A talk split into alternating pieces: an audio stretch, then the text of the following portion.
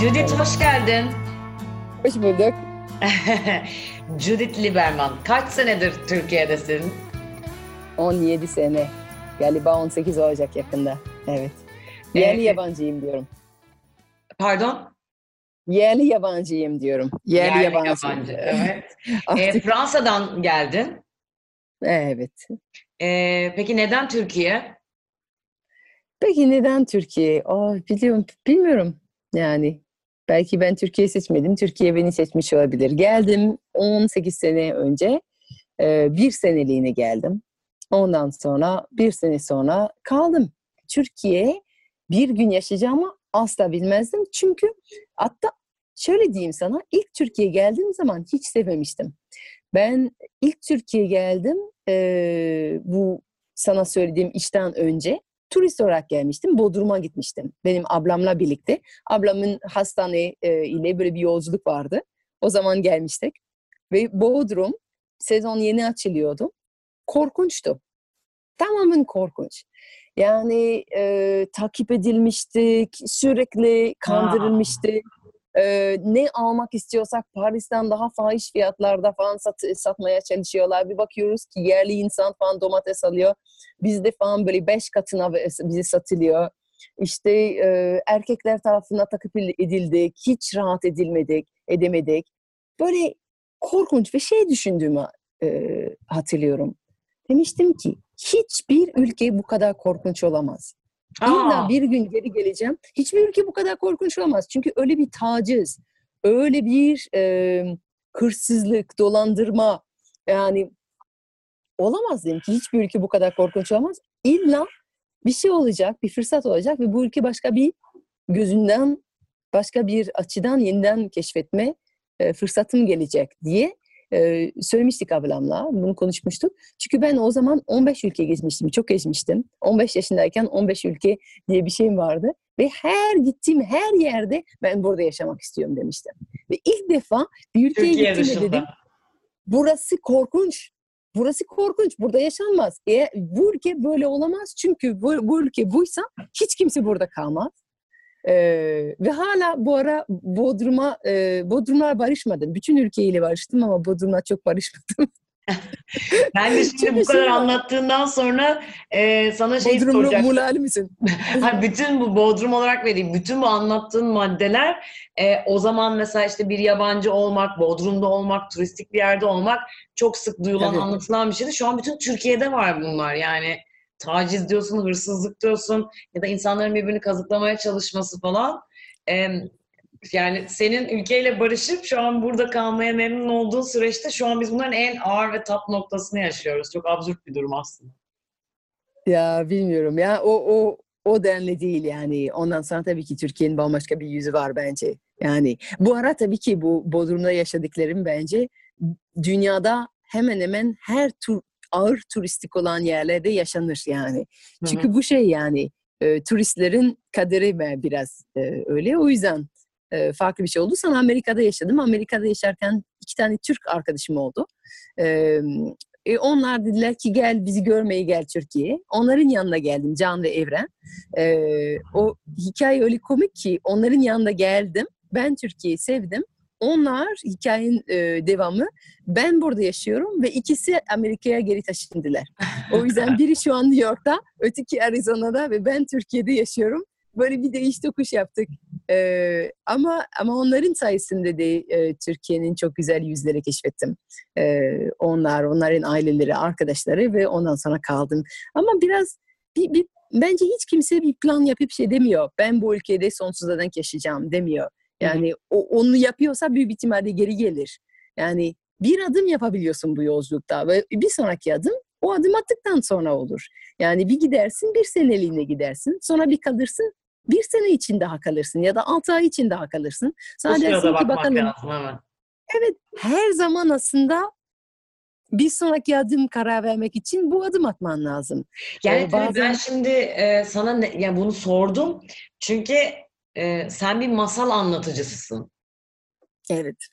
Yani aslında biraz da o yüzden daha da önemli. Yani evet bir e, Fransız olarak Türkiye'de yaşıyorsun ama senin mesleğin tamamen kendi dilinde Yani ilk insanın hakkına öyle bir şey geliyor. Yani bir insanın masal anlatması e, ve mesleğinin bu olması, hayattaki en büyük keyfinin bu olması ama masal kendi dilinde en rahat, en güzel anlatılmaz mı?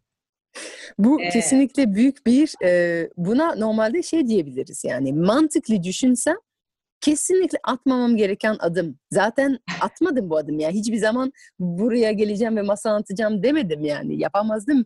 E, e, aslında düştüm yani buraya ve e, biraz buraya geldiğim zaman benim için bu anlamına geliyordu. E, demek ki masal anlatamayacağım artık.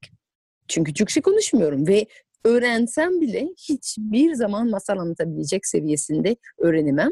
O yüzden e, buraya burada kalmak, Türkiye'de kalmak bir ara bunu bilinçli düşündüğümü fark ettiğimi hatırlıyorum. Şey demiştim yani tamam buraya kalıyorum ama burada kalmak masal anlatmamak demektir. Var mısın buna? Ve belki bir şeyin iyice kavuşmak için onu ondan vazgeçmen gerekiyor bir ara. Ben vazgeçtim. Dedim ki sorun değil. O zaman seramik yaparım. Seramik e, atölyeye gidiyordum Ankara'da.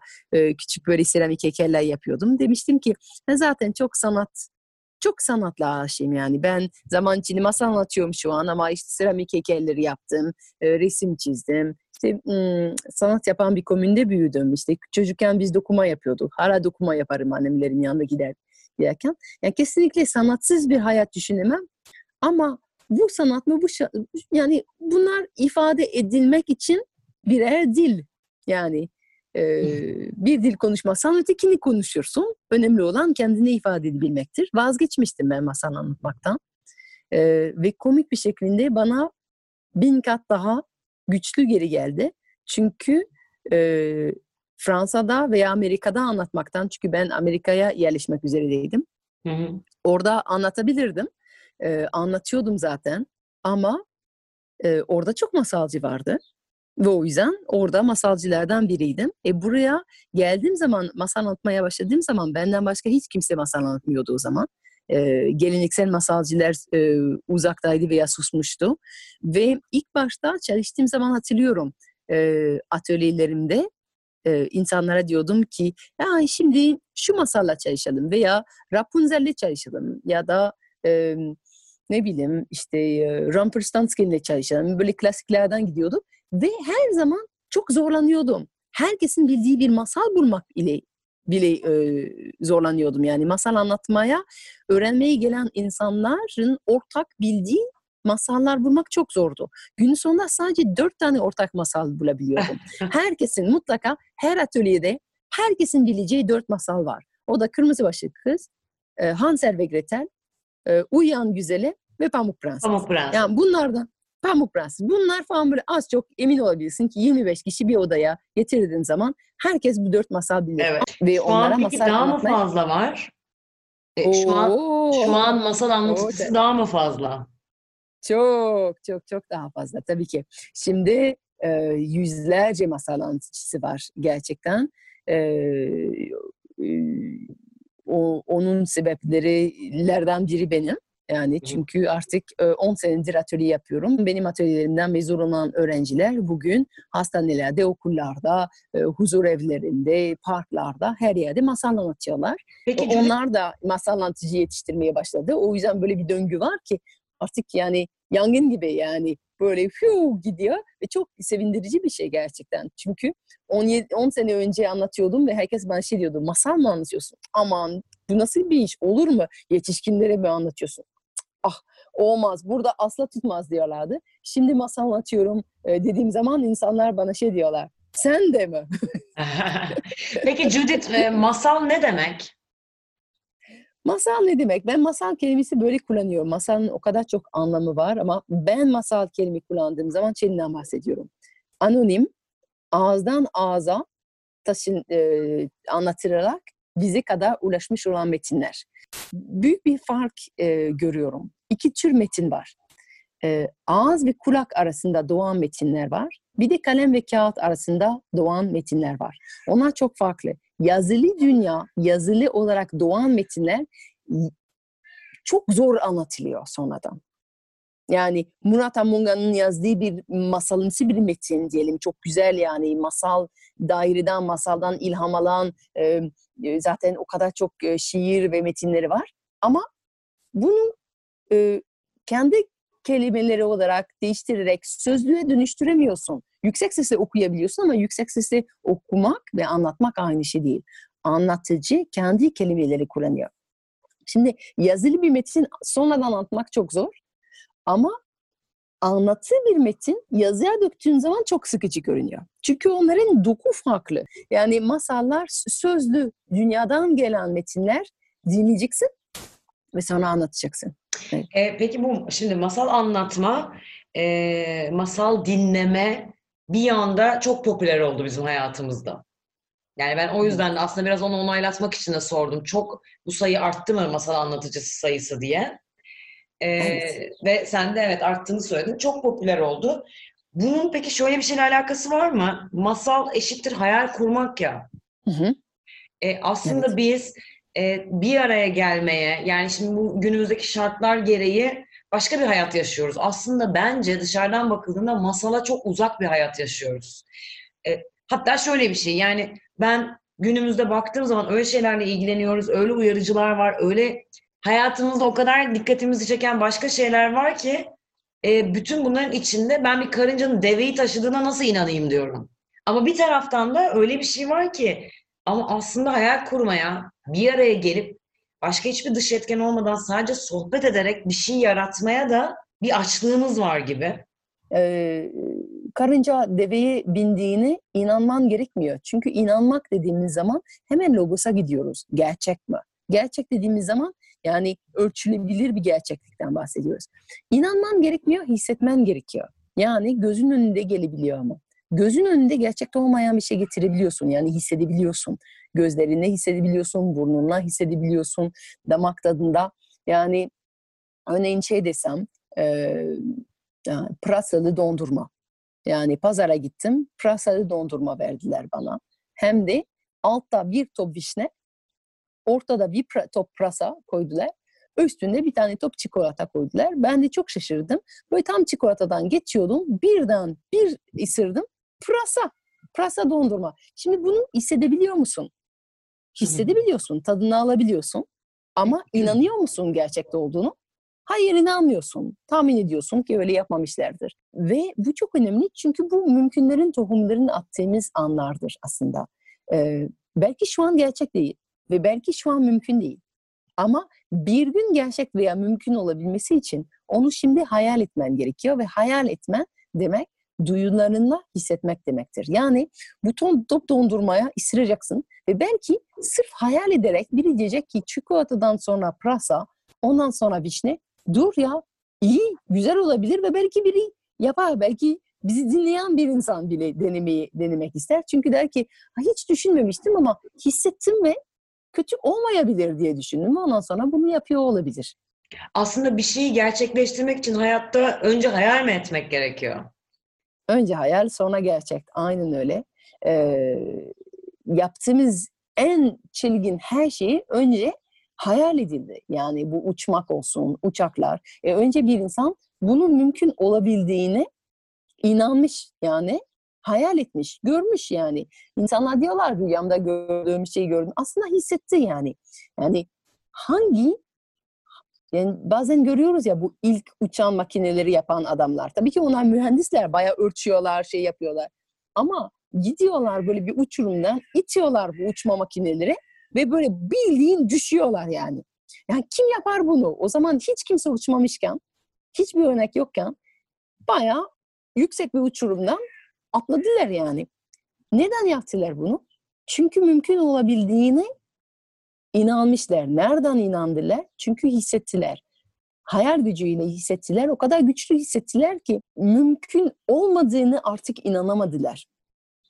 Ve o yüzden yaptılar. Yani değişim oradan geliyor aslında. Yani e, bir tohum o an, bir çatlama o an yaratılıyor. Ve her şey için mümkün. Yani şeyden bahsetsen bile e, moda dünyasından bahsetsen, e, fizik dünyasından bahsetsen, işte e, bütün bunları ve o yüzden hikayelerimizi biz birbirimizin hikayeleri bizi çok etkiliyor. Peki Yani yeni masallar şimdi- yaratılıyor mu günümüzde? Yani bu kadar Tabii ki, tabii teknoloji ki çağındayız benim an- benim anlayışımda masal söz yani ben zaten masal kelime ila kullanmıyorum yani bu bir etiket. Masal derken şeyinden bahsediyorum. Sözlü sözlü hikayeler. E sözlü hikayeler şu an biz anlatabiliyoruz. Yani e, bir arkadaşla buluşuyorsun. Diyorsun ki ne yapıyorsun bugünler? İşte dün inanamazsın diyorsun. Dün ne yaptım biliyor musun? E, o nedir? Yani o bir hikaye. Sana sözlü bir hikaye anlatıyor. O bir masal aslında. O bir sözlü hikaye. Ondan sonra nereden nereye bazen bir şey anlatıyorsun. Sonra bir hafta sonra başka bir insanın ağzından duyuyorsun ve tamamen değişmiş. Bu nedir? Bu masalların doğum kanalı. Öyle oluyor masallar. Yani Aslında ona bir gerçekten yaklaşım çok masum. Yani e, müthiş bir masumiyet var yaklaşımda. Biraz biz e, onu kaybettiğimiz için mi masalı sorgular hale geldik? aslında masum değil yani. O da bir, bir, bir inanç. Bizim de milyonlar inançlarımız var. Sadece biz şimdi onlara böyle bakmıyoruz. Şimdi bu e, dedeye söylesen ki ama ne saçma ay ay ya da aa dedeciğim ne tatlısın sen cinlere mi inanıyorsun? Adam sana bakar ve der ki dikkat et falan çünkü onlar sana çarparlar. Ciddi inanıyor. Şimdi biz buna buna inanmadığımız için korkmuyoruz ama inan ki bizim de e, cinler kadar ilginç olan ve çok sıkı var. sıkı inandığımız evet korku yok olmuyor, şekil değiştiriyor. Ve o yüzden bizim anlattığımız masallar şekil değişiyor. Ve masumsa bence biz masumuz yani insan masum. Ee, ama bütün mesele e, bu masum insanlar ne tarafa doğru gidiyor? Korku mu senin şoförün mü? Senin arabanın süren kişi mi? Yoksa sevgi? Ve hepimiz yani an be an, dakika dakika o araba süren tarafı değişiyor. Yani hele bir korona e, ha- dönemindeyiz. İyice bunu hissediyor olabilir, e, olabiliriz. Yani bir korku aldığı anda birden insanlar böyle değişiyor. Ama birden böyle sevgi sürmeye başlıyor. Tam tersi korona e, döneminde olabildiğimiz en iyi kişi veya olabildiğimiz en kötü kişi olabiliyoruz an be an. Bu neye bağlı? İşte e, arabanın işte direksiyonu kimi bırakmışsın. E, o anlamda bence insanlar çok değişmiyor. Yani bu e, mekanlar değişiyor sadece. Çünkü mekanlar insanları var ediyor bence. Nerede yaşıyorsun, ne kadar sıkışık, ne kadar çok insan var, ne kadar az insan var. Kaç ağaçla karşılaşıyorsun, ne kadar yalnız kalıyorsun doğa içinde. Sessizlik var mı hayatında?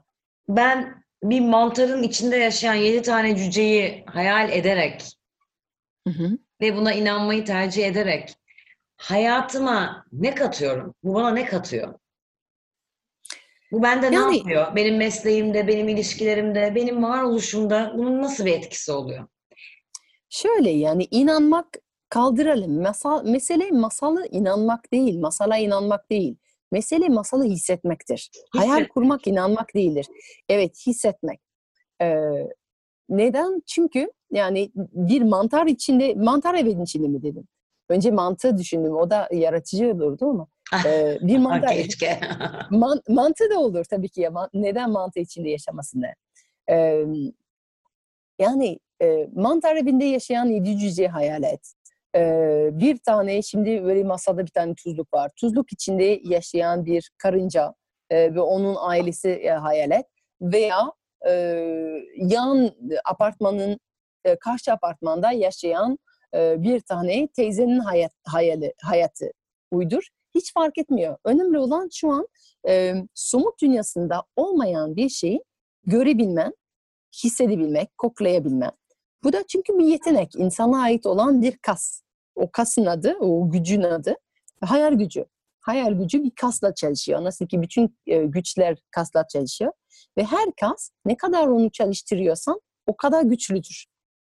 O yüzden masal dinleyen bazı insanlar diyorlar ki ya çocuklara masal anlatsan işte buna inanırlar. Büyük korku bu yani. Bu çocuklar buna inanacaklar ve sonra ne olacak aman başımızda işte zannedecekler ki uçabiliyorlar falan değil aslında. E çocuklar tabii ki yani e, alıyorlar bebeklerini işte seviyorlar bebeklerini bebeğimi falan yatağa koydum falan. Ama aynı zamanda biliyor anne olmadığını ve sorsan yani gerçekten anne olduğunu düşünüyor musun? E, der ki hayır oyun oynuyorum. Yani benim e, benim kaynanam sürekli torununa soruyor bunu. Diyor ki şu an bir oyun mu yapıyorsun yoksa gerçek olduğunu mu düşünüyorsun? Torunu torunu sürekli ona diyor ki babaanne, babaanne şu an ben oyun oynuyorum. Tamam bu bir oyun. Yani çocuklar biliyor aslında yani e, bu bir oyun, bu gerçek. Baya yani e, sahte yiyorlar. İşte biliyorlar şu an bu yemek olmadığını. E, bundan Peki bu onların gerekmiyor. ne, neyine yarıyor? Yani benim hayal etmem Onlar, e, onların hayal gücü o kuvvet, kuvvet güçlendiriyor. Hayal gücü e, güçlü olan insanlar kendilerine başka bir hayat yol yolculuğu çizebiliyorlar. E, hayatta aslında milyonlar yollar var. Bir tanesi otoban. Etrafındaki bütün çevrenin aldığı yol diyelim. Memur çocuksun. İşte biliyorsun işte şu şu şu şu şu okulların arasından seçeceksin. Onlar da okuyacaksın.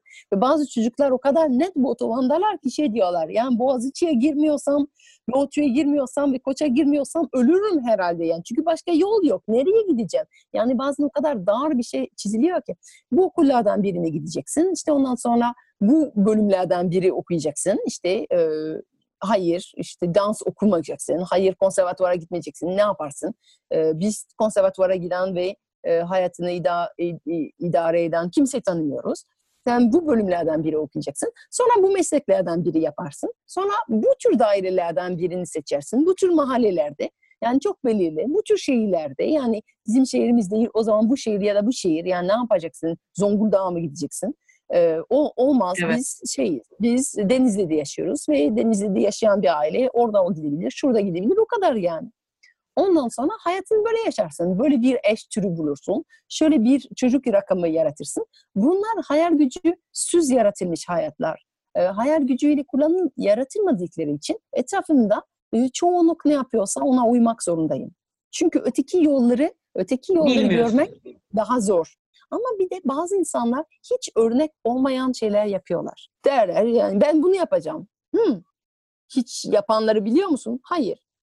Hiç nereden aklına biliyor- geldi bilmiyorsun. Nereden aklına geldi? Evet hep hemen bu, bu soru geliyor ya. Nereden aklına geldi? Evet. Okudun mu bir yerde? Gördün mü? Bir komşun mu yaptı? Tanıdığın bir insan mı yaptı?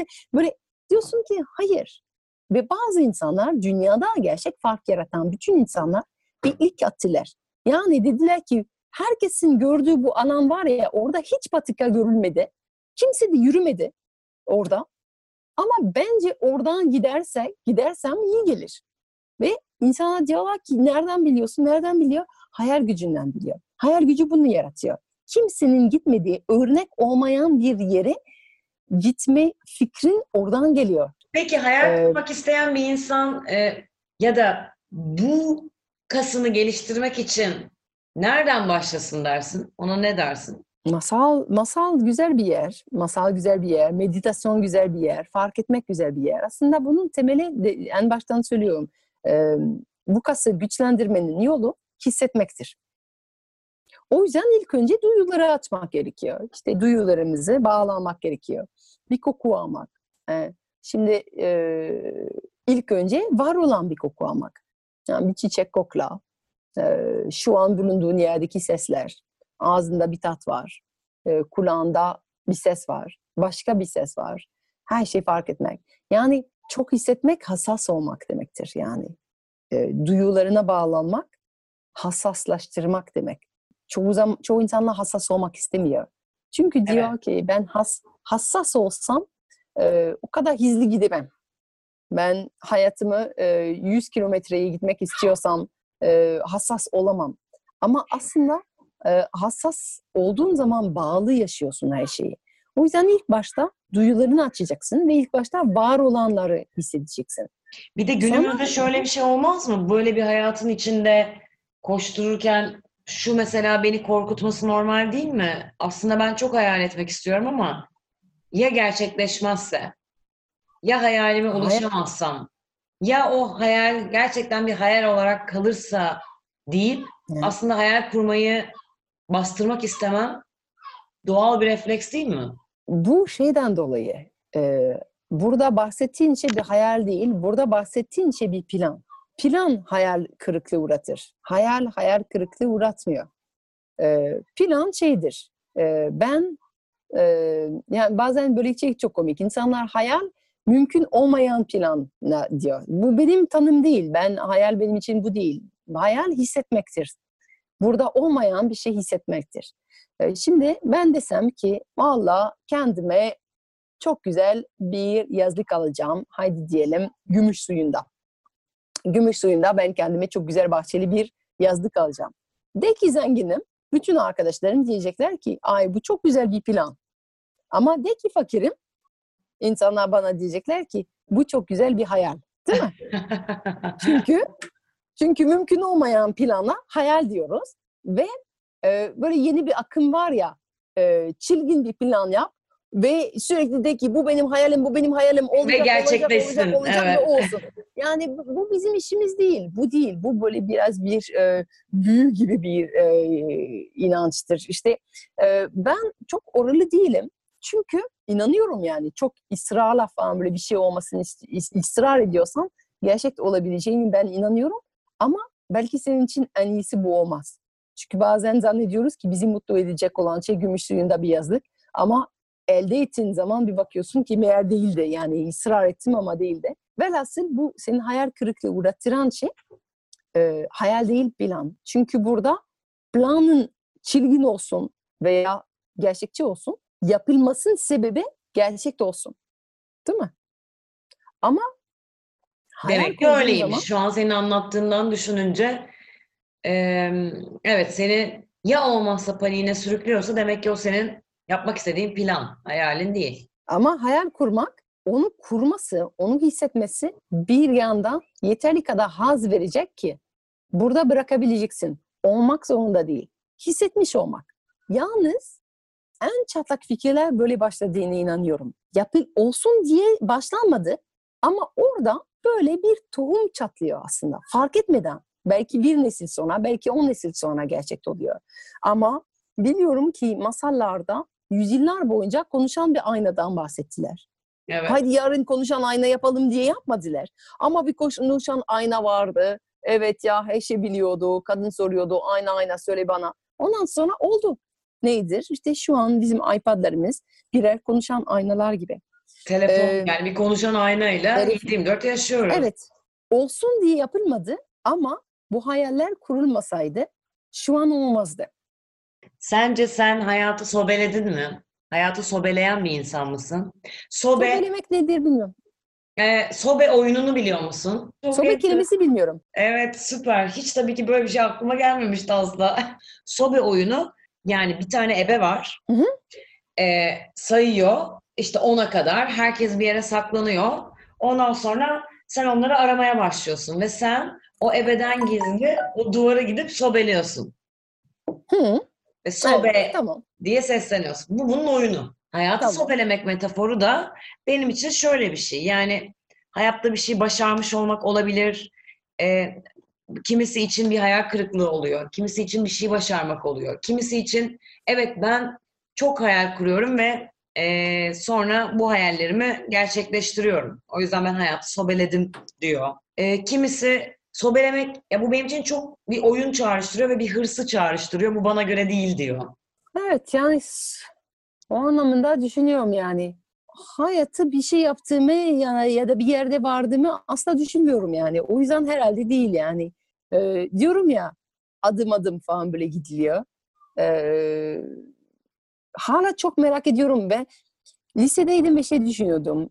Hangi üniversite okuyacağım acaba? Aa, öğrenci olmak nasıl? Sonra üniversite dediğim bir şey diyordum. Hangi iş yapacağım? Ve hep böyle bir fikir vardı ya gençken. Yani belli bir yere geliyorsun ve şey bu artık merak etmiyorsun. Seneye ne yapacağım diye merak etmiyorsun. Ben hala bayağı merak ediyorum yani. Ay ne ee, kadar güzel. Umarım bir yere varmam ya. Harika. Umarım bir yere varmam. Hayatımda Çok... ilk defa böyle bir dileği olan bir insanla sohbet ediyorum. Umarım bir yere varmam diyen. Ama evet ya. Çok korkunçtur ya. Acaba içinde neler oluyor Judith? Hiç böyle bir şey duymamıştım ve harika bir şey. Ee, çok teşekkür ederim. Rica ederim. Ee, ve çok iyi yeni evinizde adada bol keyifler.